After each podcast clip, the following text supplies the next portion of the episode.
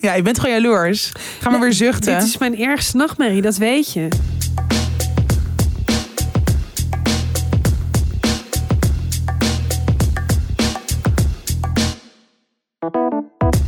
Hallo mensen en welkom bij weer een nieuwe aflevering van Tussen 30 en Doodgaan. Aflevering 116 alweer. En als je denkt, huh, vorige keer was het toch 114? Nee, vorige keer zei ik 114, maar was het 115? Ja, vergeef het me. Het kan gebeuren. Het kan gebeuren. nog COVID-brain. Wij zitten lekker Arme meid. op afstand. Ik zit in Antwerpen en jij zit in Amsterdam. Amsterdam. Hoe gaat het met je, lieverd? Jammer dat het bij mij nooit anders is, hè? Je hebt dus- gewoon twee locaties. Ja, dat is Echt een heel- ster. Dat het zou wel heel grappig zijn dat jij in één keer een totaal andere achtergrond Ja. hebt en niet zegt waar je bent. Ehm, ik zit in Velsenbroek. In Velsen. Nou, zou ook wel eens een keertje leuk verfrissend zijn. Uit die fucking Randstad. Ja, precies. Dus, maar gelukkig eh, zal Stevie je straks alweer storen en eh, de hele podcast stilleggen. Dus eh, ja, weet je, Waarschijnlijk. waar zijn we zonder Stevie? Iedereen heeft er vorige week moeten missen. Dus. Holy shit. Holy shit. Oh, Ehm, nou, hoe waar, gaat waar het, te meid? beginnen? Waar te beginnen?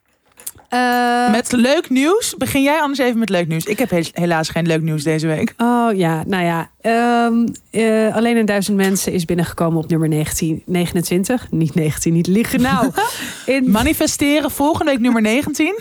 in de bestseller 60. Zo goed. Ja. Zo leuk. En ik ga meteen even iets bekennen.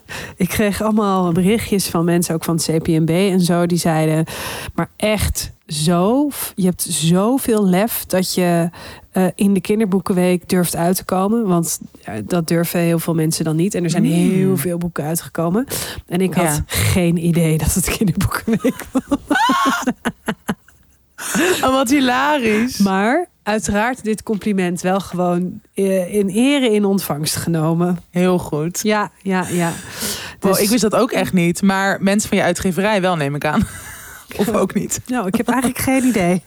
Ik zou, je zou denken van wel, maar ja, whatever.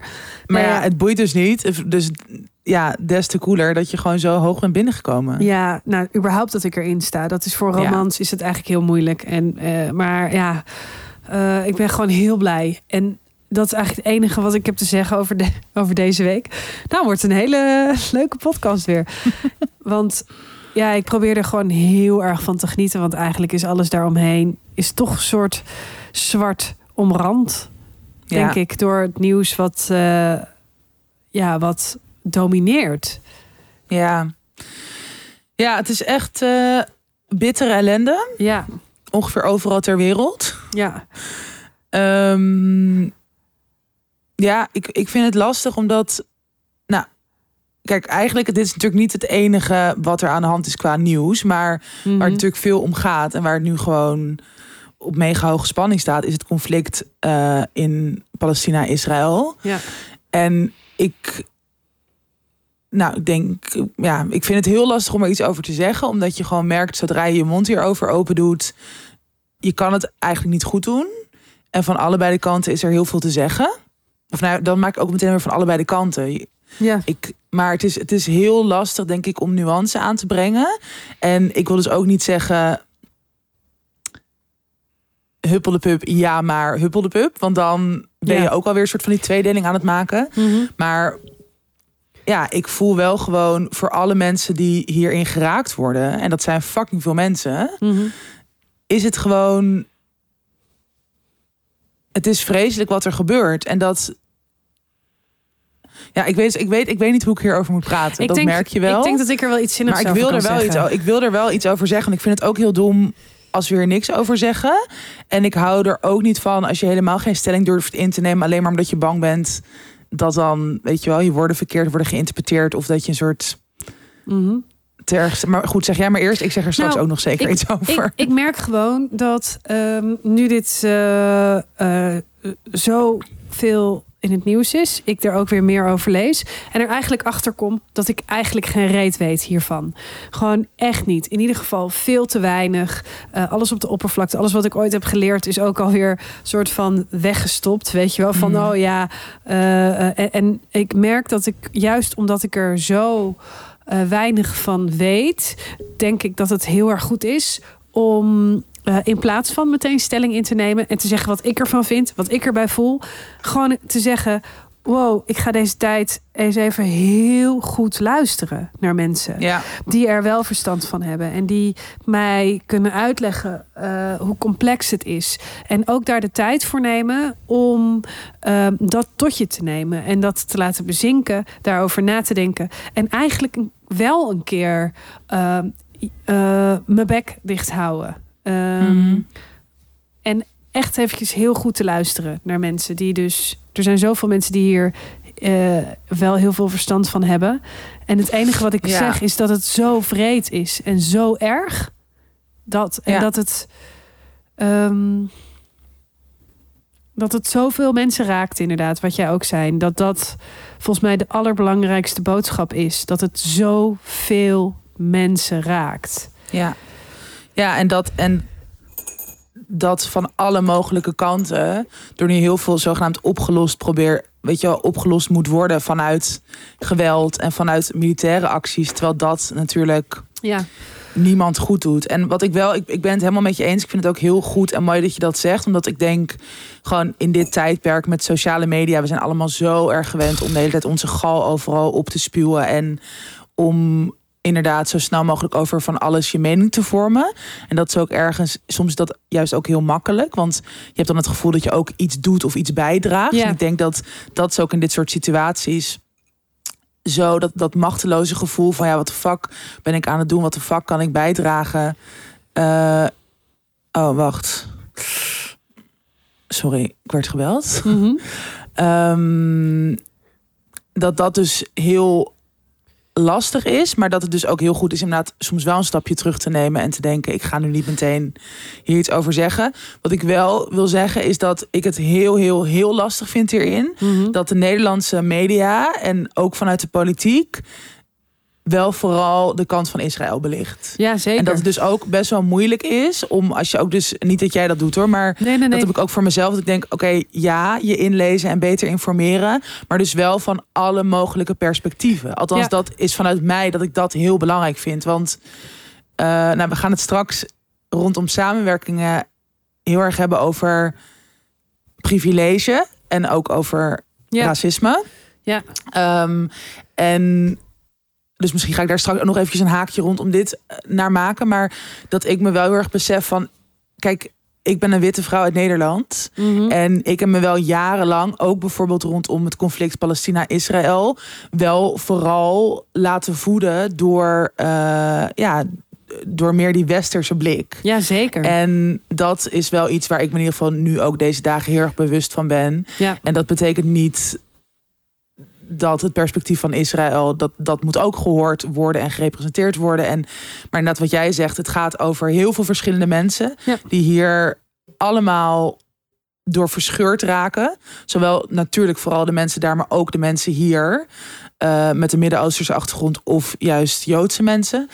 Maar inderdaad, Ja, nou, maar ik het is- wel heel erg. Het is verschrik, dat is het inderdaad. Het is verschrikkelijk. En het is die, die onvoorwaardelijke steun. Rot op. Ro- Rot Ja. op. Het, ik hoorde Natasja Ja, van Wezel zeggen. selectieve. Ik, ik hoorde Natasja van Wezel een heel mooi, eh, hele mooie zin maken. En die zei, volgens mij zat ze bij Galit en Sophie. Ze zei, Hmm. de enige oplossing is vrede.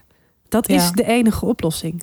En eh, het ging ook over dat Netanyahu had gezegd dat, dat ze gingen winnen. Ja, wat winnen? Want dan is alles plat. Ja, En dan heb ja. je gewonnen, weet je wel. Dus ik vind het... En het gaat me de pet te boven. Ik kan er niks zinnigs over zeggen. Behalve dat ik alleen maar kan zeggen... Wat een shitshow. Wat erg. Wat een leed. Ja. Wat, een, wat, wat vreed. Wat, eh, wat heftig. Maar ik ben echt heel blij dat... ehm, weet je, dat, dat er... Ik luister nu heel veel Radio 1. Dat er zoveel goede duiders zijn. Ja. Eh, eh, en inderdaad, ook, ik luister graag ook naar, of ik lees graag stukken, of ik luister graag naar stukken die daar heel objectief naar kijken. Ik Mm. ook heel, heel veel historische, ehm, gewoon tijdlijnen. Weet je wel, wat de, de, Ja. de tijdlijn. Ja, wat er gewoon in. Want dat is inderdaad heel erg belangrijk. Dat het natuurlijk niet een conflict is van nu of van de afgelopen paar jaar. Maar dat het gewoon Ja. zo ver in de geschiedenis gaat. En ik denk dat dat inderdaad wel voor heel veel mensen goed zou zijn. Om dat eens wat beter Ja. in kaart te brengen voor jezelf. Eh, natuurlijk als je, ja. Nou, nee, ik vind dat eigenlijk dat, dat, dat we daar ook wel een soort verantwoordelijkheid in dragen Zeker. eigenlijk. Zeker. En Ehm, ik ja. denk ook dat. eh, en, maar ik, wat ik me wel afvraag, zeg maar, als het gaat naar in wat voor staat treffen we elkaar. Hoe. hoe eh, ik heb dus nu bij alles wat leuk is of goed is, weet je wel. Want ik heb eigenlijk gewoon best wel een relaxte week gehad. Lekker een beetje zo aan het nagloeien van alles wat leuk was. Dus Hmm. maar ik heb ook dat ik ergens zo extra denk van... oeh, nu moet echt hiervan genieten. Dit is zo eh, niet vanzelfsprekend. En hoe voel, hoe voel jij je, zeg maar, persoonlijk? Hoe, Nou, ik heb überhaupt het. Ja, ik voel me. Ik voelde me überhaupt niet heel goed. Mhm.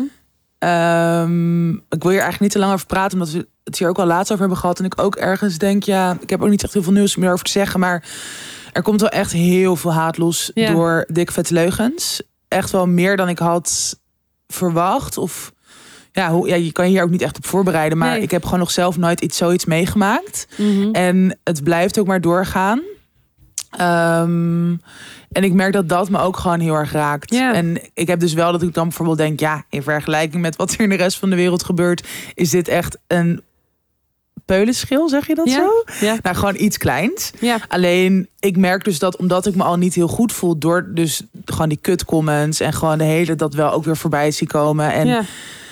dat ik dan ook dus gewoon wat er dat ik gewoon heel erg soort van fatalistisch en pessimistisch hiervan Ja, word. maar Dat dat ik denk kan ik me de fucking wereld is zo vertiefd. Er zijn zoveel mensen die gewoon zoveel haat in zich dragen Ja. en die dat gewoon maar, nou ja, nogmaals in verschillende gradaties de wereld in helpen en ja, ik weet niet. Ik vind het even heel moeilijk op alle fronten. Maar Ja. zeker ook persoonlijk. Maar dat komt dus ook gewoon door alles wat er gebeurt. Om gewoon een soort lichtpuntjes te zien. Ja. Ehm, ja, dus dat, ja, dat is gewoon even zo. ja. En ja, ik kan er ook even niet heel veel meer van maken. Nee, dat, maar ik herken het heel erg. Maar dan zeg maar de andere kant op. Dat, dat Ja. soort van... Oh, ik ben blij. Maar blij in een totaal verrotte, verrotte wereld. Ja. Wie ben ik Ja. om blij te zijn? Wat maakt het in vredesnaam uit? Een bestseller 60. Who fucking cares? Echt. En dat is volgens mij in tijden als dit... dat je, dan, dat je, dat je daar echt... Ja, je moet jezelf echt toespreken om daar gewoon eventjes van te kunnen genieten of zo. Dus van echt hele kleine... Volgens mij worden dit echt de weken van het hele kleine, miserige geluk. Ja. ja. Want eh, ja, dat. En inderdaad, ik heb veel vrienden aan beide kanten die eh, weer die kanten. Dat is zo stom. Heel veel vrienden die hiermee te maken hebben. Direct.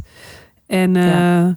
nou, ik, ik hoop er gewoon. Ik hoop gewoon dat ik er voor ze kan zijn. Ja, Dat. mooi. Ja. Ik, ik wilde ook nog even één tip delen hier omheen. En dat was een podcast wat ik... Ik vond het een heel fijn gesprek tussen Johan Frets en Maurits de Bruin. En Mhm. Maurits de Bruin is een goede vriend van mij.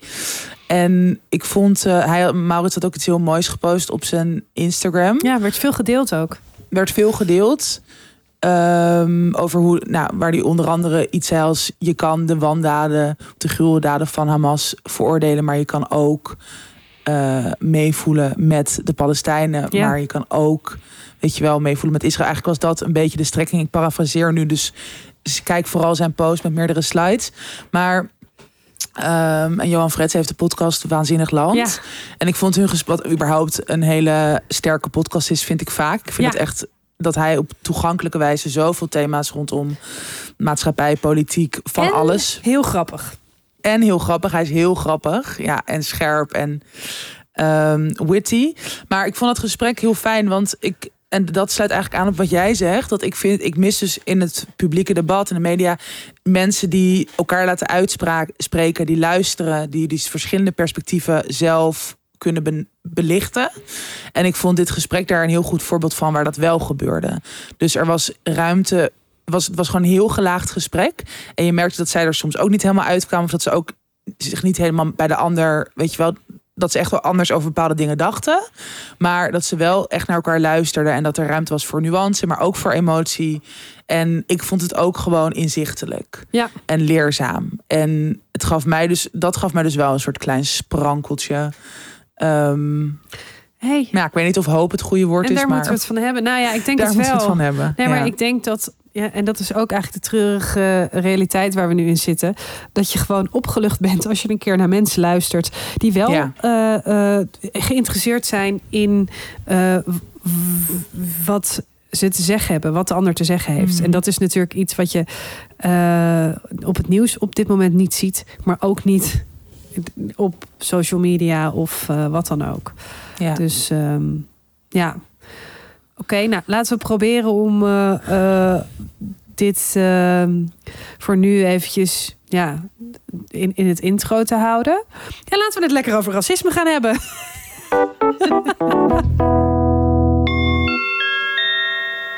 Your attention, please.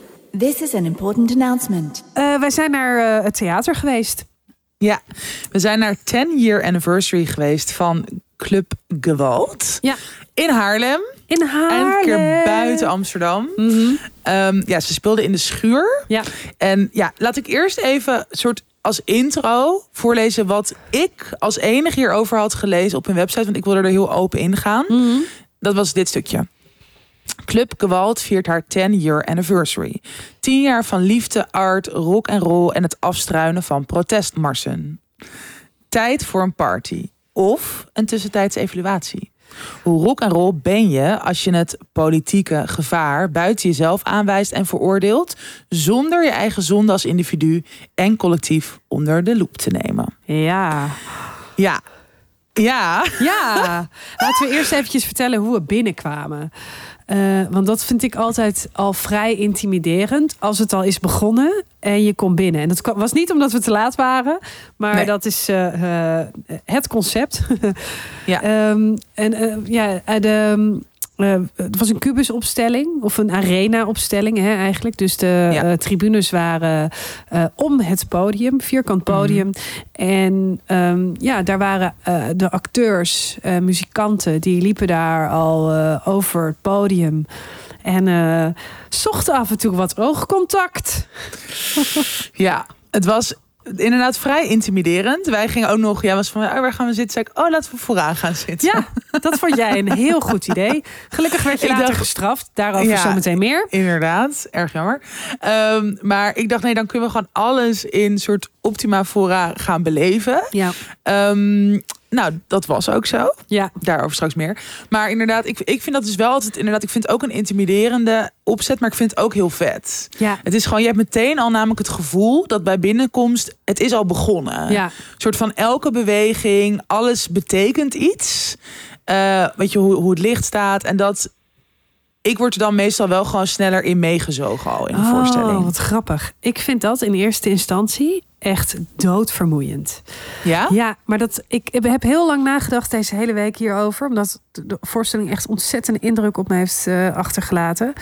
Eh, Mhm. Waarom is dat? En dat is eigenlijk, merk ik nu, uit pure angst. Dat komt voort uit angst. Omdat ik weet En wat gewoon, voor angst dan? Nou, dat ik niet weet hoe ik me moet gedragen. Ben ik gewoon nog publiek? Ben ik een onderdeel? Kan ik nog praten met Ja. jou? Ik ken de regels niet. Nee. Ik ken de regels niet. Dus ik Ja, vind ik vind het dat eng. juist heel vet. Dat het dan meteen een soort van je door elkaar schudt van, oh ja, Ja, het houdt je scherp. en omdat ik het dus eng vind, is mijn eh eh, recalcitrantse reactie... Jezus Christus, wat vermoeiend zeg. Dit is echt de story of your life. I know. Dit is waarom je altijd zo cynisch bent en aan het kutten bent. Maar- omdat je gewoon iets ongemakkelijk vindt of eng. Ja, maar het is super tegenstrijdig. Want inderdaad, ik, het, ik doe dus dan alsof, alsof ik dat heel vermoeiend vind. eh, en, en zo. Maar het is dus, er gebeurt meteen iets met mij. en bij jou gebeurt er iets en het mag er allemaal zijn. En jij denkt, oh yes, het is begonnen. En ik denk alleen maar... Oh my god, wat moet ik? Ja, Ja. dat. Dus Ja. ja, ja dat vond ik eh, eh, met de kennis van nu echt super goed gedaan. Ja, en je zei dat. eh, kijk, ik wil. We gaan hier dus over vertellen. Maar we gaan natuurlijk niet soort van de hele voorstelling Ja. van scène tot scène bespreken. Want het speelt, ze zijn nog op tour. Dus we willen natuurlijk juist dat iedereen op verschillende plekken in Nederland er naartoe gaat. Want dat kunnen we wel van zeggen. We vonden het allebei erg goed en Waanzinnig. indrukwekkend. Ja. Dus het is sowieso al een tip om te gaan. Maar jij zei dus net dat je er deze week nog veel mee bezig bent geweest. En dat het dus heel veel indruk maakte. Ja. Kun je dat een beetje vatten waar dat mee te maken had? Of, ja. Ja. ja, kijk, het gaat over eh, racisme. En eh, de aanleiding is eigenlijk een hele herkenbare situatie. Namelijk eh, dat je een blinde vlek hebt als wit persoon. En ik denk dat dat iets is waarvan je echt wel weet ehm, dat je daarmee te maken hebt. Je betrapt jezelf wel eens op een gedachte dat je denkt: oei, dat is niet zo handig. Of je zegt iets, dat is niet zo handig. Weet je wel, je hebt het erover met vrienden. Maar ik kwam er eigenlijk door de voorstelling achter dat ik dat misschien wel veel vaker heb dan ik zelf ook wil toegeven. Want daar gaat die Mhm. hele voorstelling ook over. Hè? Durf je gewoon met recht te zeggen: ik ben een racist. Ehm, dat zit in mij. En nou, ik dacht heel veel na over situaties. Gewoon de afgelopen tijd. Ik dacht gewoon, volgens mij hebben we dat ook achteraf ook besproken van wanneer was jij voor het laatst een racist? ja. En ehm, daar ben ik best wel van geschrokken eigenlijk. Hmm. Eh, dat is veel vaker dan ik eh, eigenlijk wil toegeven aan mezelf en aan anderen. Ehm, ik kan misschien wel een voorbeeld noemen. Maar ehm, ik kom uit een Indisch gezin waar eh, het koloniale verleden eh, nou, vrij eenzijdig is eh, verteld. Net zoals het Mhm. in onze geschiedenisboeken is verteld. En bijvoorbeeld vorig jaar, toen ik in Indonesië was met Rinsen, heb ik een keer gedacht bij een hotel of zo. Daar was de manager was iemand uit Europa, een Europeaan, Engelse man. Hmm. En dan gaat er eventjes door mijn hoofd. Oh ja, tuurlijk, want anders wordt het een zootje. Hmm. En dat is dus een ehm, gedachte, een, een kronkel in mijn brein. Die heeft te maken met opvoeding. Hè? Zo ben ik opgevoed Ja, met dat ja. verhaal. Ik heb dat wel eens aan mijn oma gevraagd. Waarom hadden jullie zoveel personeel? En dan zei ze, ja, maar die, eh, dat was goed, goed voor die mensen. Want dan hadden ze een baan. En Mm, anders vonden mm. ze geen baan. Dat was allemaal dankzij ons en zo. En eh, nou, dat was pas vorig jaar. Terwijl... ja. eh, dat je dus toch merkt dat je nog in zo'n stereotype eigenlijk denkt. 100 procent, Ja, 100 procent. Die had ik. En ik heb laatst nog gewoon twee mensen door elkaar gehaald. Dat was nog wel een grappig verhaal. Er was een eh, docent van mij, eh, die heb ik per ongeluk doodverklaard in een interview.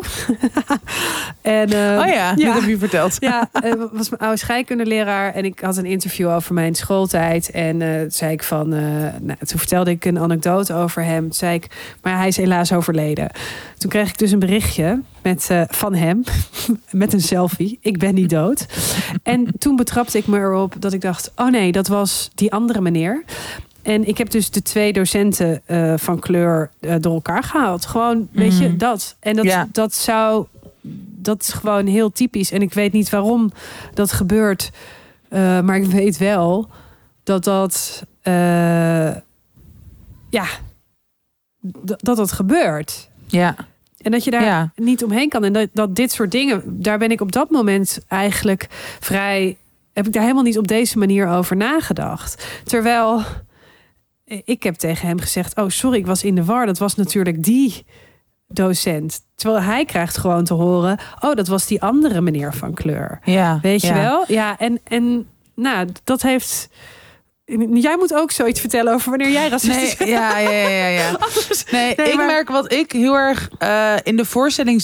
s- Nou, het gaat over meer momenten, maar het gaat een soort centraal staat het moment van hun als eh, theatercollectief. Mhm. Dat zij in Berlijn zijn en dat ze dan, hoe heette dat nou ook alweer? Een mars aan het lopen zijn. Ja, de privi- privi- pri- Ja. privilege. Privilege Mars.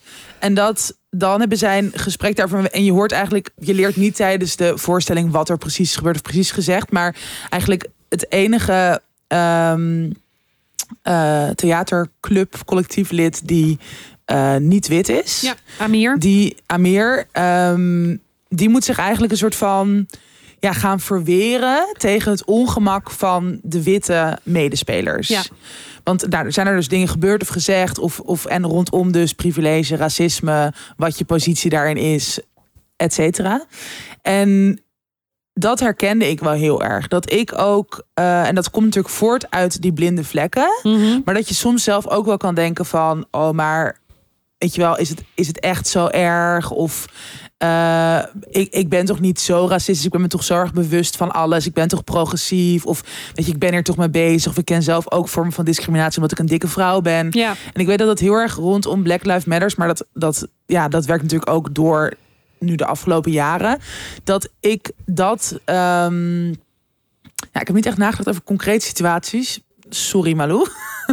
maar dit is natuurlijk wel wat jij zegt. Dat. dat ehm, ik heb natuurlijk ook dat soort situaties, maar. In een breder perspectief vind ik dat heel heftig om te merken bij mezelf. Dat ik gewoon denk: oh ja, ik bagatelliseer denk ik best wel vaak dus de ervaring van een persoon van kleur. Mhm. Omdat ik dan waarschijnlijk dus vanuit eigen ongemak en omdat je, je wil niet racistisch zijn. Je wil niet dat jij die persoon bent die vanuit ja, toch een ongelijk vanuit ongelijkheid denkt. Mhm. Alleen ik weet dat ik racistisch ben. ja, Net zoals eigenlijk ja, zoals elk wit persoon. ja, Dat is gewoon zo. En Ja. dat was ook. ehm, op een gegeven moment is het ook heel erg veel interactie met de zaal. top was In de dat. voorstelling. Dat was super. en toen gingen ze eigenlijk ook die privilege mars, maar dan was het geen mars, maar dat, dat stuk gingen ze ook met ons als zaal doen. Mhm. Dus dan waren er stellingen en dan kon je gaan staan of zitten. Nou ja, en als de stelling komt, ik ben racistisch, Ja. wij gingen ook staan. Omdat Ja. ik, ik weet dat, maar een soort van... Het blijft wel ongemaakt. En die schaamte, die kan gewoon er dus voor zorgen... dat je je de hele tijd gaat verweren. Ja. Of dat je toch in een soort van ja maar gaat. En dat, dat vind ik het heftigst hieraan of zo. Ja. Dat ik ook...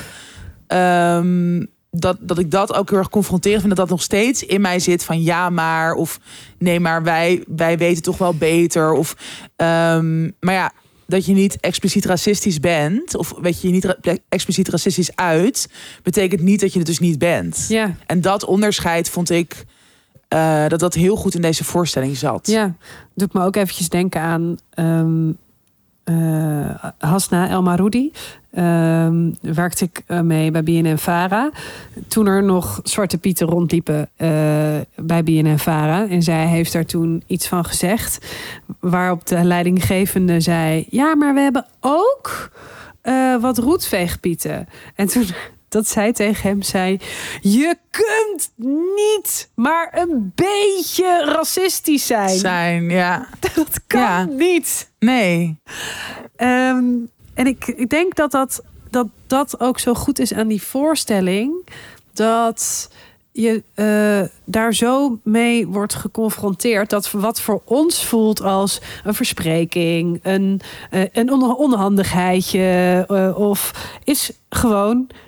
Dat is niet een beetje. eh, racistisch. Of dat, komt, dat doet niet Ja. een beetje pijn. Of daarmee zet je iemand niet een beetje eh, buiten, ehm, eh, buiten je eigen. Spel, ja. Ja, Buiten, bui- buiten het spel, maar ook buiten je eigen norm. Weet je? Ja. Dus, ja. en dat, dat vond ik er zo goed aan, omdat ik er ook, ik wist dat de voorstelling zou gaan over racisme. En er werd van tevoren tegen ons gezegd van nou, het is vrij heftig. En ik dacht, ach, vrij heftig, vrij heftig. Wij eh havermelk elite. Ik heb verdomme in Bos en Lommer gewoond. Je hoeft mij echt niet uit te gaan leggen wat racisme is hoor. Zo Nee. ging ik er toch wel in. Wel van, Ja. oh, ik ben, ben interessant om te horen waar ik het allemaal mee eens ben, eh, deze ja, voorstelling. ja, ja, ja. Dat is toch de gedachte die je hebt. Alsof je daar niks Ja. meer over te leren hebt ook. Nee. Nou, dat, ik denk dat dat heel erg... Want kijk, er waren in de zaal waren er allemaal verschillende mensen. En boomers. En, nou inderdaad. Om even te Een deel daarvan was boomer. Nou, waren oudere mensen. En je zag dus ook, daarin zag je wel verschil hoe mensen daar zeg maar mee omgingen. Dus dat je, dat bijvoorbeeld, nou, de oudere mensen bleven nagenoeg allemaal zitten toen er dus werd gezegd, ik ben racistisch. Ja. Ik ben een racist.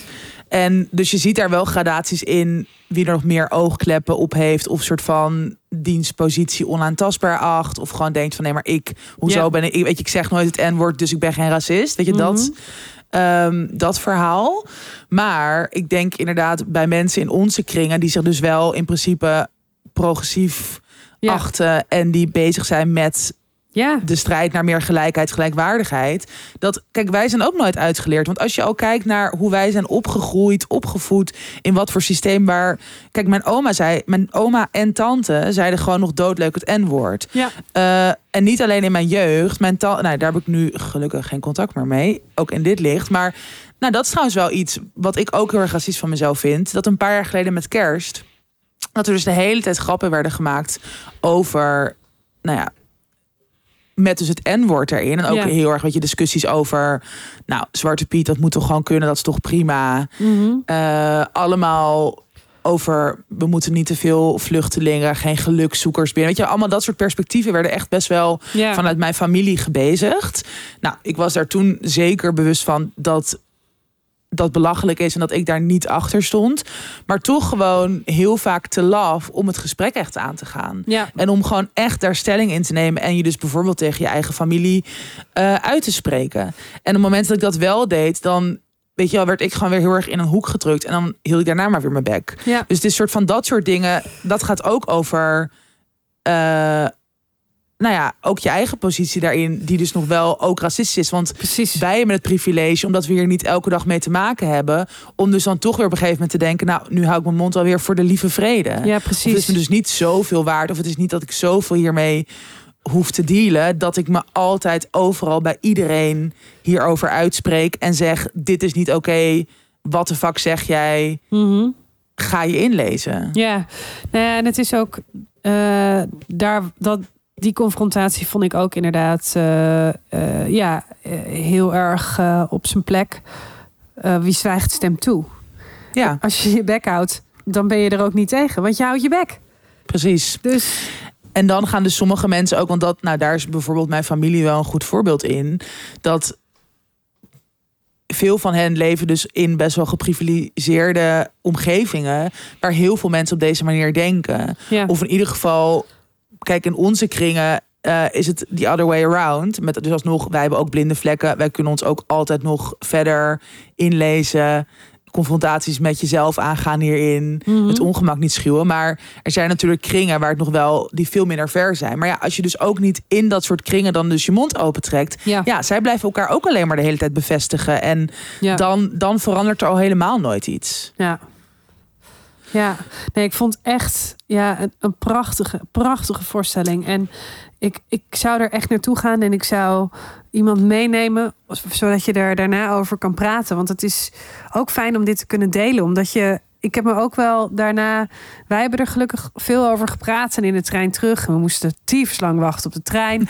en ehm, ehm, Ook nog met de theatermakers hebben we best wel lang daarover gepraat ja, nog. ja, Over dat zij dus ook in elke stad waar ze staan... of Ja. ja. gewoon echt verschillende reacties krijgen uit het publiek. En ook bij zichzelf merken van dat het soms weer extra aankomt. Dat het gewoon emotioneert. En dat het natuurlijk, ja, voor zij... Want dat vond ik dus heel sterk aan de voorstelling. Dat er zit heel erg dat maatschappelijke in, dat politiek. Het gaat dus echt over institu institutioneel racisme.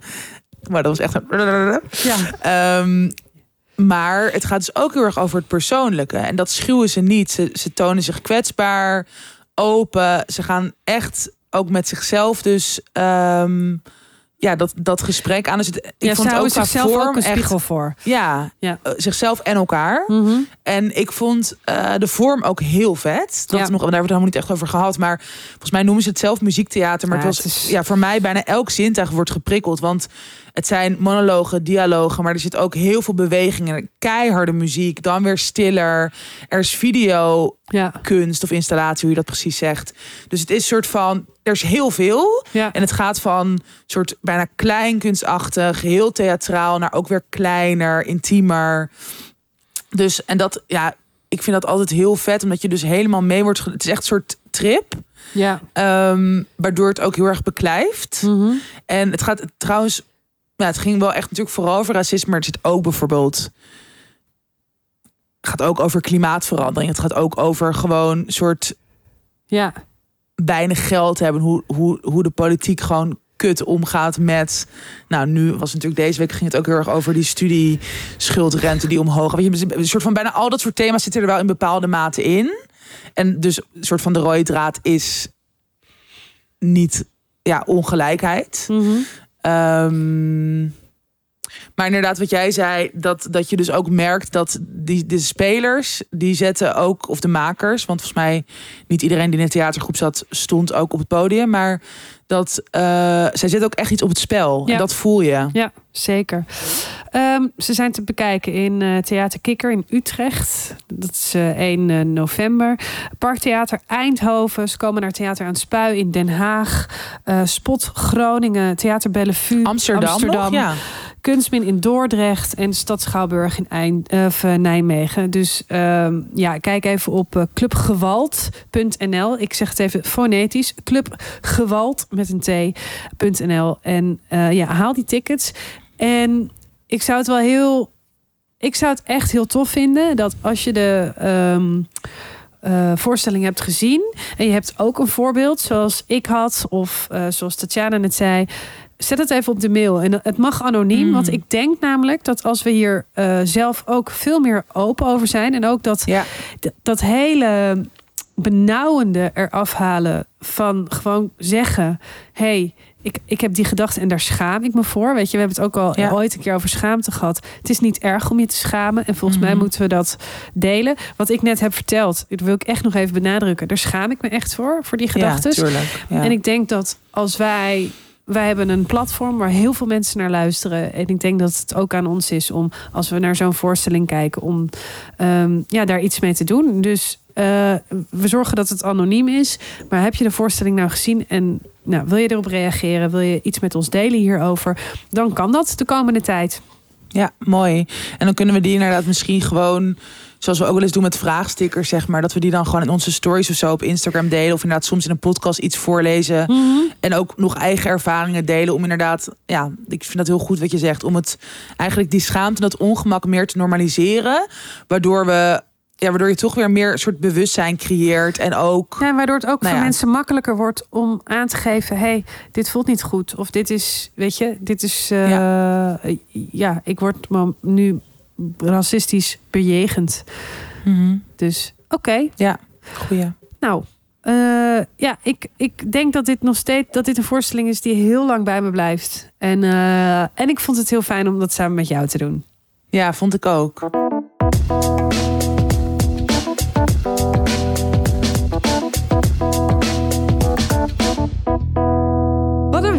Wat een week, wat een week. Wat een fucking week. Hè? Nou, heb je nog ergens een hoogtepunt, Ja, een ik heb lichtpunt dus nog in de één, één, één lichtpunt in mijn leven. En dat was het concert van Wende Snijders, waar ik afgelopen maandag naartoe ging. Oh. Het was, of nee, dinsdag. Nou, ergens deze week. Ooit ben ik. Ooit ben ik naar Wende Snijders gegaan. Ja, dinsdag was het. Ja, het was echt, Malou. Ik heb ook al natuurlijk haar nieuwe cd hier getipt. En eh, het was dus een, eh, een, een, een voorstelling. Of nou ja, eigenlijk een concertvoorstelling, hoe je het ook wil noemen. Rond die cd, maar er zit ook wel wat oud werk. Maar het was in Paradiso. En ik zou eigenlijk die dinsdagavond helemaal niet kunnen. Maar ik dacht, mm, ik ga toch proberen een kaart te regelen. Dan zie ik wel gewoon even... ehm, eh, of het lukt, anders kan ik het toch wel weer verkopen, want het was natuurlijk allemaal uitverkocht. Dus ik had via een vriendin van onze lieve Jul, had ik, eh, Roos heet zij, had ik opeens nog een kaartje kunnen fixen de dag van tevoren. En toen bleek dat ik ook dinsdagavond gewoon wel opeens vrij was, dus ik kon er naartoe. En het was heel leuk, want ik was er zo met allemaal beetje zo verschillende vriendinnen. Ehm, die elkaar dan ook weer half kenden. En het was. Oh ja, dat was echt fucking leuk. Eh, normaal gesproken, Wende is natuurlijk super populair. Al helemaal als iets is uitverkocht, dan kom je natuurlijk bij zo'n concert. Staat, er, ja, staat het gewoon al helemaal vol als je er gewoon, weet ik veel, drie kwartier van tevoren aankomt. En nu kwamen we eraan. En we konden gewoon met gemak, met z'n, volgens mij waren we met z'n vijf of zessen, konden we met gemak helemaal vooraan staan. Omdat gewoon, ja, de zaal uit drie kwart uit oudere mensen. Ik gebruik het woord boomers niet meer, zoals je begrijpt. Zoals je merkt. Maar ehm uit Rinses oudere mensen, Rinses leeftijd en ouder bestond. En die zaten dus bijna alleen maar op dat, gewoon op de balkonnen, zeg maar. Dus wij konden helemaal vooraan staan. En het was, Nou, ik noemde net de voorstelling een trip, maar dat was dit dus ook echt. Van begin tot eind. Ja, ik hing gewoon aan de lippen van die vrouw. Zij is. Ja, ik, ik, ik kan er gewoon niet uit hoe geweldig ze Ik zit ook helemaal zo te bewegen, omdat ik gewoon een soort. Als ik eraan terugdenk, ben ik echt een soort extase. Want, en het is, het is hoe ze haar stem gebruikt. Het is een soort van volledige beheersing, maar ook juist loslaten. Want dat ze gaat gewoon alle kanten uit eigenlijk. Maar dus wel, het is altijd loopzuiver. En je voelt gewoon de hele tijd een soort van dezelfde spanning in die stem. Ehm, waardoor je gewoon blijft luisteren. Maar het zijn ook echt de nummers die gewoon.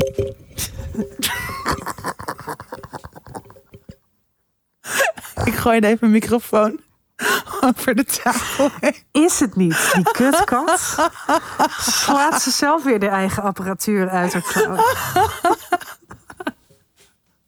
Wow, ik, waarom ben ik altijd zo over the place? Ik denk dat ik echt een meditatiecursus moet volgen of zo dit najaar. Ja, nee, ik denk dat dat het is. Ik denk dat het dan beter wordt. Een meditatiecursus. En you're Wat healed. anders? Medicatiecursus? Nee, grapje.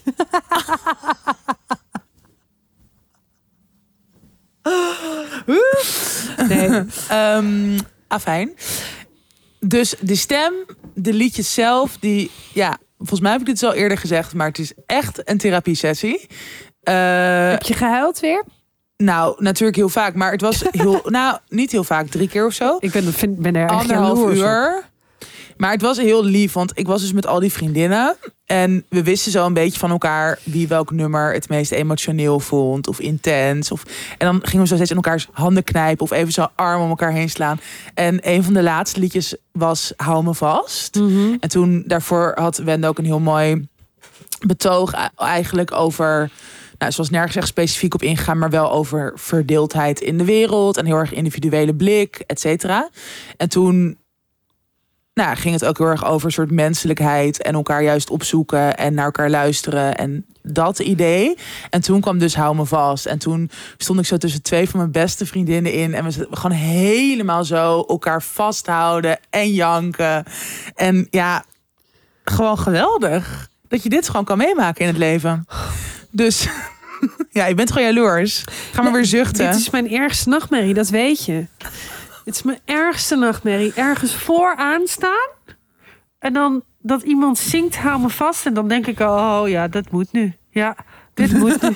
dit wordt nu van mij verwacht. Oh. En dan ga je elkaar vasthouden. En dan voel ik dat zo. En dan is het alsof, alsof die schouders van andere mensen gewoon bloedheet zijn. En dat gaat dan, al mijn energie in mijn lijf gaat dan daar naartoe. En ik denk alleen maar, laat me los, laat me los, laat me los.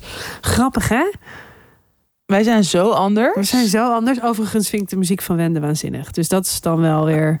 Dat, dat, Daarin vinden ja, we elkaar dan toch weer. Daarin toch vinden weer we elkaar verbinding. ook. Maar ja, ik ga boven bij de boomers. Ik, ga op, ik wil gewoon dat iedereen smoel houdt. Ik wil niet worden afgehaald. Ik wil niet worden aangeraakt. Ik deel helemaal niks met mensen. Dit is van mij. dat. Maar grappig. Leuk. nou, wij kunnen nooit naar een concert samen, maar toch eh, Zeker. leuk. Zeker. We zien elkaar daarna bij eh, de bar. Ja, inderdaad. Nou, daarover gesproken. Daar heb ik nog wel een klein dingetje over. Wij eh, gingen eventjes een, eh, even wat drinken in Haarlem. bij een leuke bar. Ehm, Oh mijn god, ik ken- ik was het alweer vergeten. Nee, ik ben het zeker niet vergeten. Nee, dat... nou, Ik dacht dat je met een hele andere ervaring zou komen. nee, nee, zeker niet. En wij... eh, Jij zat daar al. Ik zat er al. Ik bestel een glas wijn voor 3 miljoen euro. Mm. En, eh, eh, en een eh, bruiswater. Ze flikkert dat, dat glas wijn neer. Zo, weet je wel. Niet wil je eerst proeven of whatever. Heb je, want ik zei, ik wil eh, een, een lekkere, ehm, hele vette wijn. Wit, eh iets chardonnays, maar boterig. Maar ik hou niet bla bla bla. Ja, we hebben deze. Zo, nou, toen kreeg ik zo die fles zo in mijn gezicht. En nou, zij, sch- zij schenkt dat in. Zij perst dat uit die fles. Zij flikkert dat, die wijn in dat glas. Tieft het neer op die bar. Weet je wel? Ja. la- lag nog een vilt. Ik wil geen bierviltje onder mijn wijnglas. ik drink een wijntje van 3 miljoen euro. Ik wil dat je even een doekje komt en alles bla bla bla. Nou, was ze dat watertje vergeten? Moest ik zo de hele tijd. Maar ze, ze keek ons niet. Ze keek me niet aan. ja, ja, ja, ja, ja. En dat was, het is zo raar. En toen kwam jij zo aan. En nou, sowieso moest je eerst een fucking lawinepijl afsteken. Wilde je de aandacht krijgen om geholpen Ja. te worden? duurde erg lang. En ja, maar ze keek ook gewoon niet. En toen, Nee. toen bestelde jij, of toen vroeg je eerst gewoon netjes: heb je een kaartje? Nou, dat was zo'n plakkerige kaart. Nou, toen zei ze ook. eh, ja, dat kan ik wel even pakken. Alsof Ja. dat een soort van. Alsof dat een hele rare vraag en jij was. vroeg, jij vroeg: hebben jullie ook cocktails? Oh ja, dat was het. Ja, zo van ja, maar zonder je aan te kijken. Ja, ja, ja. Ja, heb je dan misschien een, een cocktailkaart of zo? Ja, die kan ik wel even pakken. Nou, weg was ze. Toen kreeg jij... Het was helemaal niet een schone kaart of zo. Nee, het het was best heel wel vies, een beetje ja. viezig. En eh, nou, toen, Smoetselig. toen eh, bestelde jij een cocktail van eh 3 miljoen euro. En zij loopt gewoon weg. Gewoon weg. Zij is gewoon weg. Heel lang weg. Staat daar opeens iemand anders zo. Die vraagt Ja. aan jou: Wil je misschien wat drinken? Wij zo, ja, ge- geen idee. We hebben net Een kwartier eh, geleden besteld. we hebben een kwartier geleden een cocktail besteld. Oh ja. Ja, ja, dat kan wel kloppen. Die worden ergens anders gemaakt. Dus de cocktails van de cocktailbar werden ergens anders gemaakt van de cocktailbar. Nou, prima. Oké, is goed. En eh, nou, zij weer precies als bij mij tieft die cocktail zonder jou aan te kijken. Zo ram, zo voor je neus. Weer dat water vergeten. Hi, mag ik misschien ook nog het water wat ik Ja, bestelde. Ja. Nou, zo? En- Ja, het was echt ongekend. Maar vooral gewoon haar desinteresse, arrogantie, soort niet daar zijn. En weet je wat ook nog soort lijp was? Want toen ging ik afrekenen op een gegeven moment. En toen gaf ik wel gewoon voor, ja, Ja. waarom eigenlijk? Maar Omdat ik deed zij dat. Keta moet kopen. Precies. En toen ging ze opeens fucking geïnteresseerd doen. Ja, gaan jullie nog iets leuks zo, doen? Ga je nog iets leuks doen vanavond? Ja, ik hou je yo, Dit- chick. Wij kwamen hier iets leuks doen. We kwamen namelijk Ja. even gezellig wat drinken aan jouw bar. Maar Ja. ja, ja nee. Ja, echt absurd hoor. Het ik was- vond dit echt een van eh, ja, de toppunten in slechte hospitality. Het was echt, echt, echt heel intens. ja, Ja, dus weer een dieptepunt van de week. weer een dieptepunt. Dit was weet ook een heel groot kan niet probleem. op. Ja, en verder, ik probeer gewoon eh, een beetje tam aan te doen. Tam. Ja, Tam. Tam. Mooi. Ik ben een Kalm. beetje tam. Ja, Ja. Dat, dat vind ik fijn. Ik vind het fijn om tam te zijn. ja, ik zou dat ook wel wat meer willen zijn. Je bent weer, wederom ben je mijn grote voorbeeld. Ah, cute. Cute. Nou, eh, was dat het? Ja, laten we doorgaan.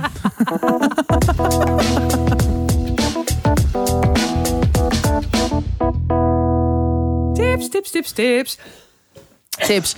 Ik heb wel, ik had dus deze week heel erg, eh, weet je, tussen het nieuws doorvolgen en podcast luisteren en alles, had ik ook heel erg behoefte aan, eh, ja, weer gewoon een soort een leuke, chille, makkelijke serie. Feel good. Makkelijk is feel good. Makkelijk is misschien een beetje te denigrerend, maar gewoon niet te erg hersenen hoeven kraken. ja, makkelijk te En kijken. toen- ja, makkelijk te kijken. En toen kwam ik uit bij de Netflix-serie Survival of the Thickest. Mhm. En het is echt, ik heb het, waren best wel korte afleveringen, acht afleveringen van 25 minuten of zo. Maar ik heb het binnen drie avonden gekeken. En het is zo leuk. Het Oh. gaat over, ja, het is echt, het gaat over een, een stylist. En zij eh, nou, staat een beetje op een soort kantelpunt naar carrière. En dan lijkt ze een hele geweldige, leuke liefde te hebben. Dan gaat hij vreemd. En dan staat een soort van alles op losse schroeven. En moet ze gewoon haar weg weer in het leven gaan vinden.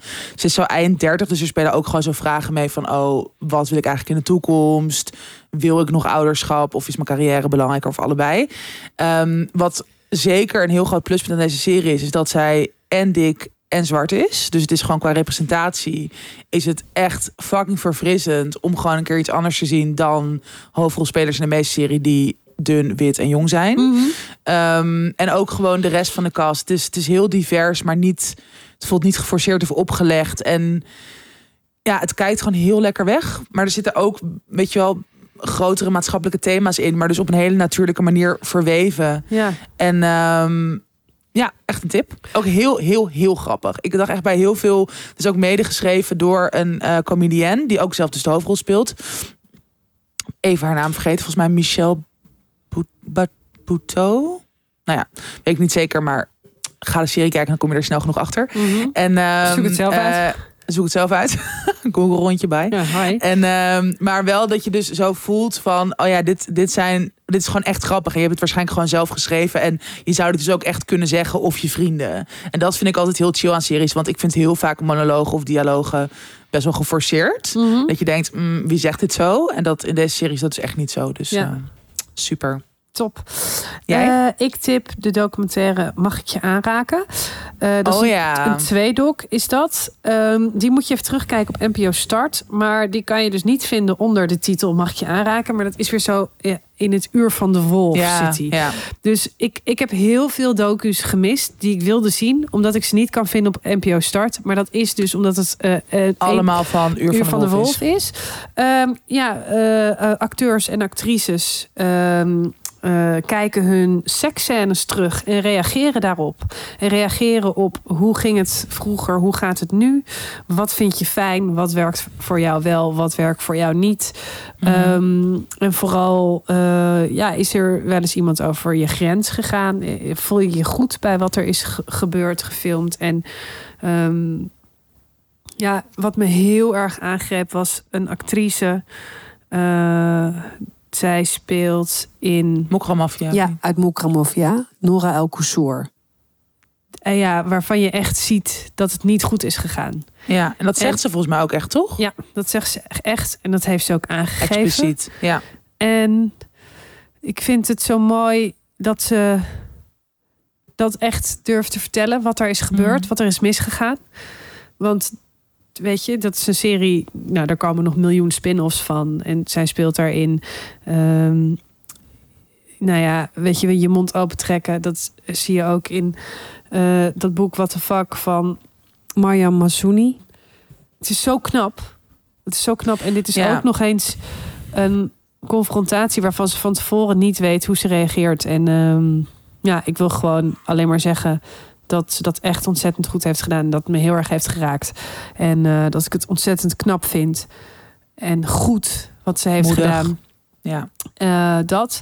En, ik, En dat je gewoon hoopt dat er echt fucking iets gaat veranderen. Want het is wel, ik heb hem nog maar deels gezien, dus ik, dan vind ik het altijd moeilijk om dan al zo, nou, wederom je mening te geven. Maar wat je wel echt veel ziet, is dat vrouwen hier veel meer over nadenken en moeten denken. En ook dat dus voor vrouwen scènes vaak, ja, hoe zeg je dat? Dat, dat, nou, het is natuurlijk ook heel vaak waar, waar ook al vaak discussies over zijn gegaan. Waarom moet er zoveel vrouwelijk naakt in eh, series en films. En in Nederland is dat echt heel vaak aan de hand. Ja. En dan dus vooral bij vrouwen. ja, En, ehm, maar ook dat is dat bijvoorbeeld ook. Dat vond ik Maud Wiemeijer, die plaatst hier iets over. Zij is de scenarist en bedenker, medebedenker van Anne Plus. En dat zij ook zei van.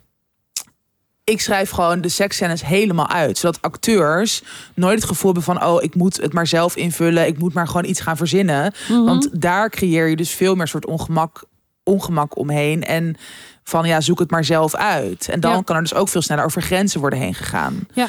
Eh, terwijl als je het dus gewoon veel soort concreter maakt. En er dus ook gesprekken over voert met je acteurs. Want dat zie je ook dat dat vaak gebeurt met ja, zowel scenaristen als regisseurs. Dat zij het dan zelf ongemakkelijk vinden. Dus daarom maar uit de weg gaan. Ja. Terwijl nee, je moet het juist aangaan. En juist met z'n allen zorgen dat het voor iedereen Nou, oké voelt en, is dus- veilig is. En dat is dus, zeg maar, wat voor de een heel veilig is, is voor de ander helemaal niet. Want dat merk je ook. Precies. Want bijvoorbeeld een Jeroen Spitsenbergen, die zegt over zo'n bodycheck, dat je van tevoren met, tegenover elkaar staat en hardop uitspreekt, mag ik je schouder aanraken en dat dan doet, zeg maar. Mhm. Ehm, eh, die zegt er ook van, ja, dat eh, zou voor mij, het is niks, dat is dus niks voor mij. En ik heb zelf ook wel eens in, in een situatie gezeten. eh, waarbij ik me ongemakkelijk voelde bij de andere kant, zeg maar, weet je wel. Ja. Dus, en dat vond ik er ook heel erg goed aan. Want wat jij zegt is waar, maar ook niet voor iedereen. En dat nee, vond ik dus heel wel goed om aan... het, maar wel om het te bespreken, snap je? ja, ja, ja. Dus dat je het, daar gaat het volgens mij over, dat je het openbreekt en dat je niet denkt, we zien wel. Mhm. Want dat is denk ik uiteindelijk, ook al vindt hij zo'n bodycheck misschien niet fijn, maar om wel met elkaar het gesprek aan te gaan van, oké, maar wat werkt voor jou, wat werkt voor Ja. die ander, hoe vind je daar een compromis in, of hoe gaan we het voor allemaal zo veilig en fijn en goed mogelijk maken? Mhm. Dat gesprek moet, dat is gewoon het beginpunt. Eh, ja. Maar ik ging ook nadenken over, omdat ik eh, over mezelf. En ik weet dus, nou, je weet hoe ik ben met gesprekken over Seks? dingen. En, eh, want het gesprek zou dus ook kunnen zijn. eh, we zien wel hoe het loopt. Dat zou dus ook een. weet je, en dat vond ik er heel interessant aan. Omdat het is voor iedereen echt, echt heel anders. En dat zonder daar zeg maar van goed of fout of oude garde, eh, jonge acteurs. Ja, ik Mhm. vond het gewoon echt ontzettend interessant om te kijken naar beleving en naar eh, opvattingen en eh, nou, ook dat hoe, hoe de een veel meer nadenkt over hoe het voor een ander is en die ander is gewoon helemaal in de rol en is op dat moment ook boos op de ander, weet je wel. Mhm. En ik vond, nou ja, over die verkrachtingsscène, wat ik echt schrijnend vond, was dat zij daar. eh, zij kreeg bloemen daarna, weet je wel. Ze van, nou, supergoed gedaan en weet het is echt super heftig. En die man niet. Terwijl die man moest ook gewoon iemand Iemand verkrachten. Ja. spelen die Of iemand, spelen, ja. iemand echt bruut eh verkracht. Ja. En dat vond ik. eh, ehm, ja, ik, dat is ook iets. En ik denk dat ik dit ook echt heb gekeken in het verlengde van wat we die week hadden gezien in het Mhm. theater. Ja, vond ik best wel. eh, ik vond het heel goed. En ik, ja, Ja. inderdaad. En ook omdat je er dus, je denkt dat je weet wat de juiste manier is. Maar als je er langer over nadenkt, denk ik, oh ja, hoe zou dat voor mij zijn? Ja, En, en ja. juist door al die kanten te belichten, ehm, ja, vond ik dat eh, ja, goed. Heel erg goed. Dus dat, Ja. die Nou, tip ik. En nice. dus zoek op Uur van de Wolf. Want anders kan je het niet vinden op de NPO. Wat een scheidssite is dat zeg. Kunnen we daar nog heel eventjes... Sorry dat ik iets tip van de NPO. Dat jullie weer op die kutsite van... Het is echt laat kut. Het knalt eruit. Echt. Ja, en dat je altijd die cookies weer een soort van moet of nee, moet aangeven wat je voorkeuren Ja, zijn. Dan hou denk, op. hallo, kan je dat gewoon één keertje even opslaan? Precies. En hoezo moet ik opnieuw in- inloggen? Ik was hier net nog. Lazer op. Goed, dat. Eh, Nou. Inderdaad. Als, Moving on. als, de, als, stream, als de NPO streaming site een beroep was, dan was het de barvrouw die jouw cocktail maakte.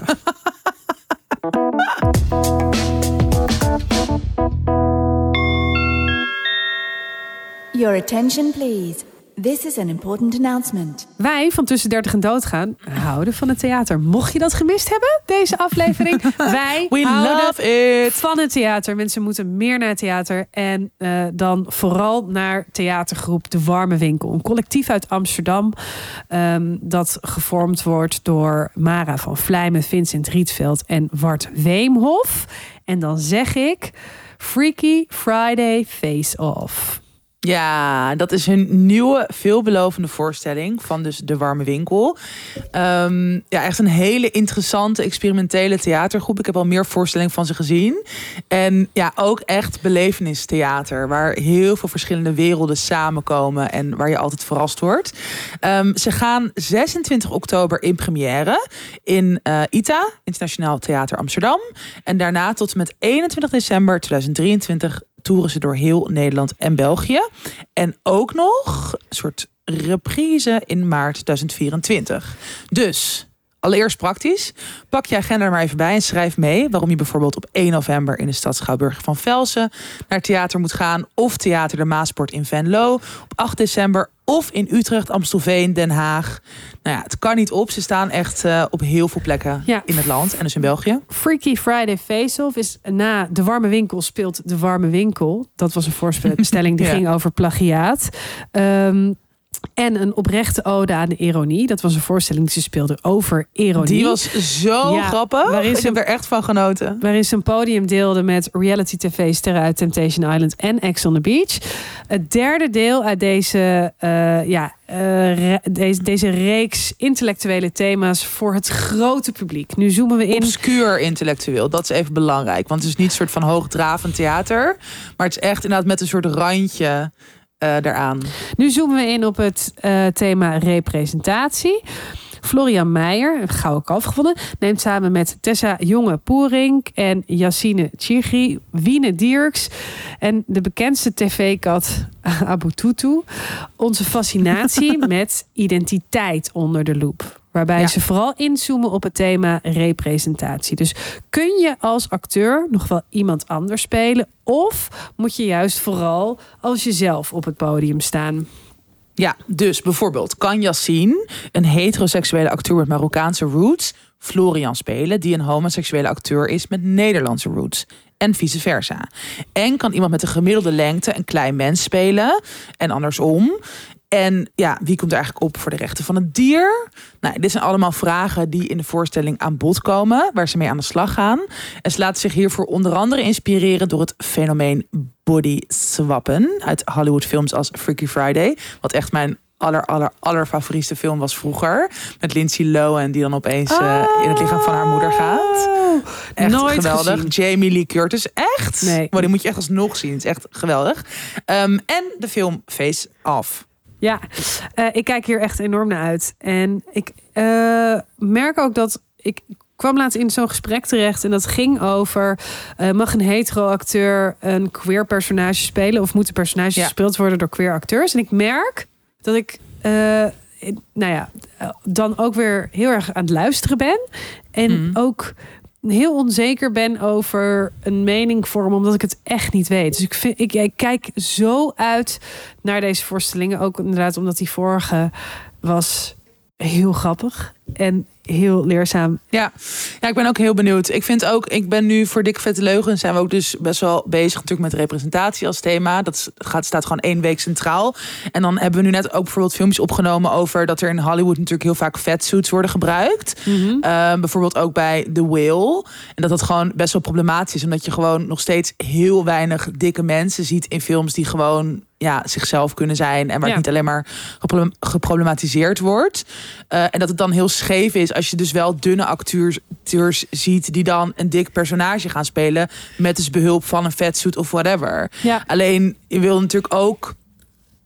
Ja, ik zou gewoon willen dat het een soort van en-en kan bestaan. Want ik snap best wel dat soms een acteur, weet je wel, met ja, juist een andere achtergrond. Of dus ook een, dun een dunne acteur best wel het verhaal van een dik personage zou kunnen spelen.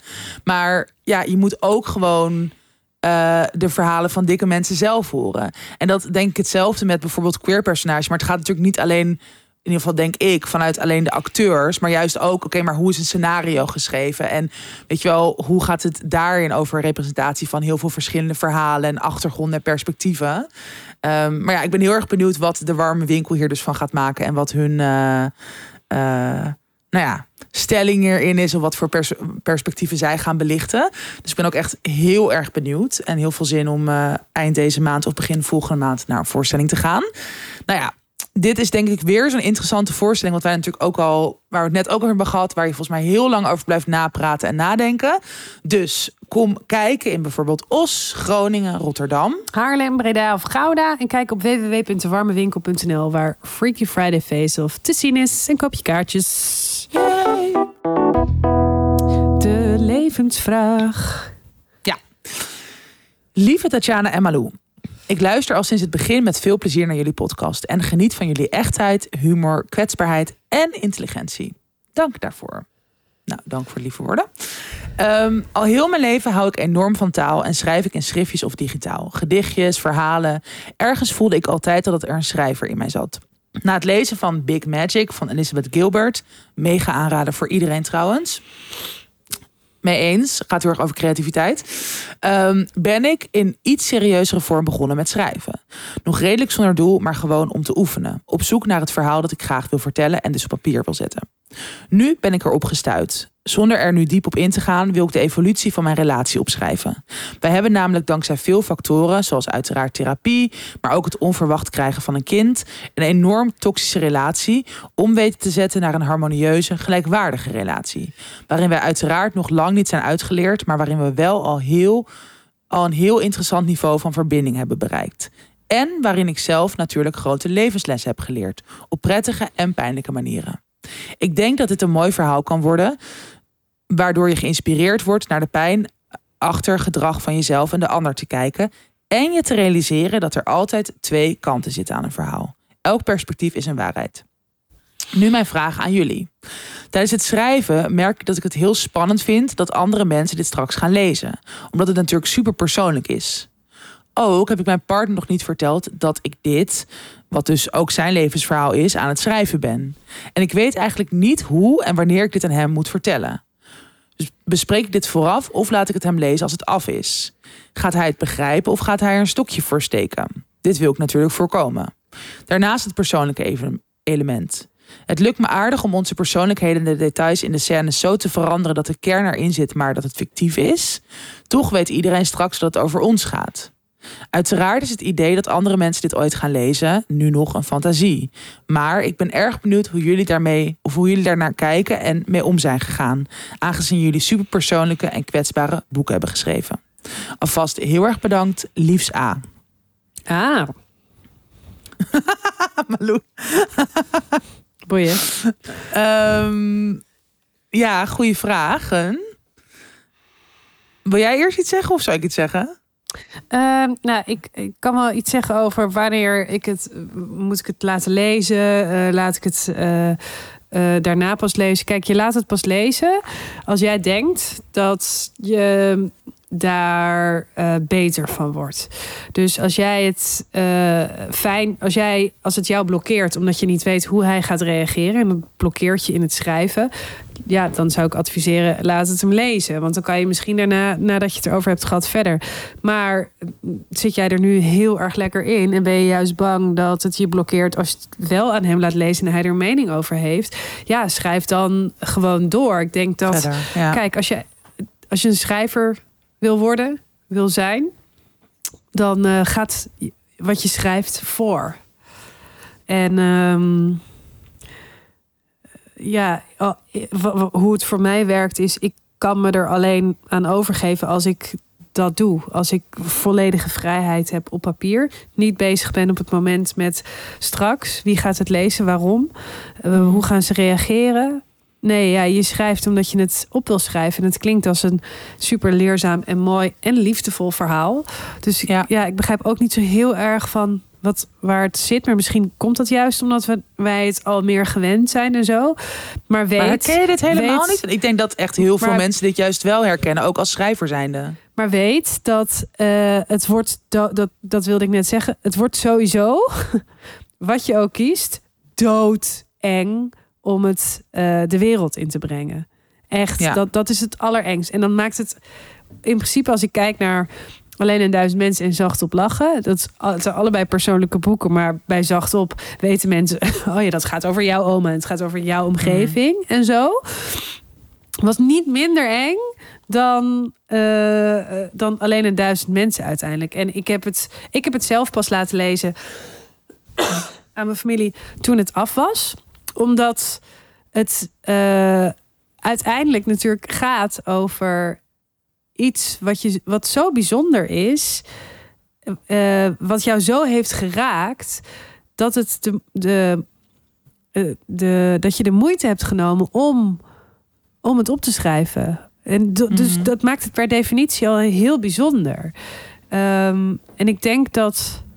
mm, ik denk dat dat gewoon heel, heel belangrijk is. En eh, natuurlijk is het spannend. En, maar ja, weet je, ja, ga er maar van uit dat, dat als mensen het niet willen lezen of mensen zijn boos. Dat heb ik ook, dat heb jij ook. Toch? Ja, dan gaat. Dat kan. Ja. En dan kan je ook niet echt van tevoren op. Kan jij, denk jij Nee, dat je erop nee. kan wapenen? Nee, dat denk ik ook niet. Ik denk niet dat je er per se op kan anticiperen. En ook, kijk, als jij, en dat, dat herkennen wij denk ik allebei, dat als je dus zodanig de noodzaak voelt van dit verhaal moet eruit, of dit wil ik vertellen, dit, dit vind ik zo, Mhm. zo'n urgentie hebben of zo belangrijk dat het de wereld in moet. En dat klinkt bij jou dus ook zo. Dat, dat, dat weegt zwaarder eigenlijk dan welke reactie dan ook, denk ik. Ja. En ik, zou, ik kan me wel Nou, zo zou voorstellen het dat, moeten zijn, inderdaad. zo zou het moeten zijn.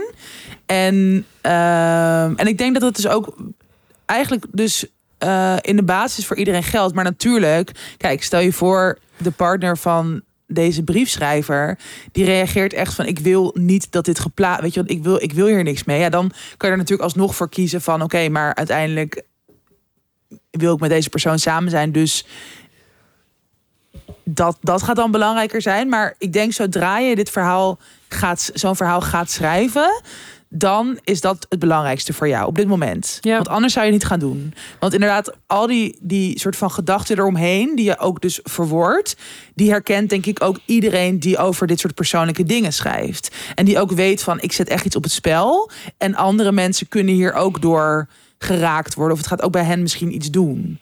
Ehm, en ik, maar ik, ik, ik sluit me wel bij jou aan wat jij ook zegt van uiteindelijk kan je dat niet. Ja, je kan van tevoren niet echt iets doen om dat te veranderen. Ehm, en ik denk dat het, het belangrijkste is dat jij er. Dat je echt weet, ik sta hier helemaal achter. En dat je dus ook, eh, ja, wat jij ook zegt, behalve als je gewoon voelt dat het nu je zo erg remt in je schrijven, dat je gewoon niet verder kan. Ja. Als dat zo is, dan zou ik misschien nu wel er iets mee doen. Maar anders zou ik zeker wachten tot het in principe klaar is. En totdat jij er ook misschien, weet je wel, het een tijdje hebt weggelegd en dan weer opnieuw bekijkt. En dat je gewoon echt helemaal zelf voelt van. Dit is het en dit wil ik vertellen. Want dan is het ook tijdens moeilijke gesprekken die je eventueel daarna hebt of daarover hebt, is het ook makkelijker om ja, te voelen van nee, maar dit is hoe ik erin sta. Ja. Of dit is waarom ik het verhaal wilde vertellen. En kan je dat waarschijnlijk ook op een hele pure manier overbrengen. Waardoor denk ik ook mensen om je heen het ook beter zullen begrijpen. Of ook die noodzaak gaan voelen vanuit jou. Denk ik ook. Ehm, en nogmaals, kijk, ik denk dat het dus best wel dat het misschien lastiger is met een partner dan met bijvoorbeeld iets verdere familie, als ik voor mezelf spreek. Eh, vooral ook omdat het echt jullie verhaal is en omdat je gewoon zo nauw samenleeft en ja, nogmaals, dat kan ik me tenminste voorstellen. Dat, dat, dat ik met mijn tante of oom de confrontatie aan moest of nog moet gaan. Ehm, maar ja, feit blijft wel dat jij niet voor niks zo sterk voelt van ik wil dit verhaal vertellen. En wat jij ook zegt, Malou, dat, dat vind ik ook heel erg erin doorklinken. Dat het ook juist gaat over die ontdekkingsreis die super ja, bijzonder en, en waardevol was. En ook heel liefdevol. En Ja. eh, ik denk dat als je dat ook blijft beseffen, als dat het ook in je boek zit, dat ja, je partner, maar ook andere mensen, dat dat, dat, dat ook het zwaarst zal wegen. Mhm. Ja. Nou, succes met schrijven. Ja, zet hem op. Heel benieuwd. Ik ben, ben- ja, het lijkt me leuk om dit ooit te gaan lezen als het in de boekhandel ligt. Ja, inderdaad. Weet je, en denk, go. en denk gewoon, wat wil ik liever zijn? Zijn vriendin of een schrijver? dit denkt Malou elke dag. Bij alles wat ik doe. Wat wil Ja, ik liever precies. zijn? Iemand die hier lekker alleen op zijn terras gaat zitten en ze gaat bezatten. Of, of een werknemer. ja, het wel. Ja, nee, ja, heel goed. Legitiem. Oké, Oké. oké. Succes. Eh, dit was de 100, weet ik veelste aflevering van Tussen 30 en 16, Doodgaan. 116. Eh, Amanda en Jules voor de samenwerkingen tussen 30 en doodgaan at gmail.com. Eh, we moesten van Rinse vragen. Onze Rinse, geef ons, abonneer je. Eh, want dat zegt iets. Eh, dat zegt dat je Geeft erbij ons weer bent. waarde, Eh, geeft ons- waardering. precies. alles. Ja, inderdaad. Dan, dan worden wij vrolijk. Ontzettend. nee, en Dan ja. worden we wel weer vrolijk in ons leven. Precies, We dan worden we wel weer vrolijk. En nou, mocht je ons heel erg missen en nog geen lid zijn van de huiskamer, petje af, slash tussen 30 en du- doodgaan. Doodgaan Tussen voor 30 een en extra aflevering per maand. Met een leesclub, een filmclub. Dus, nou, wat dan ook. We doen heel veel. Precies. We bespreken heel veel. En ehm, we zijn er volgende week weer met de reguliere. En blijf ons lekker levensvragen sturen via onze Instagram of ook via onze mail. Nou, dat was hem. Ciao.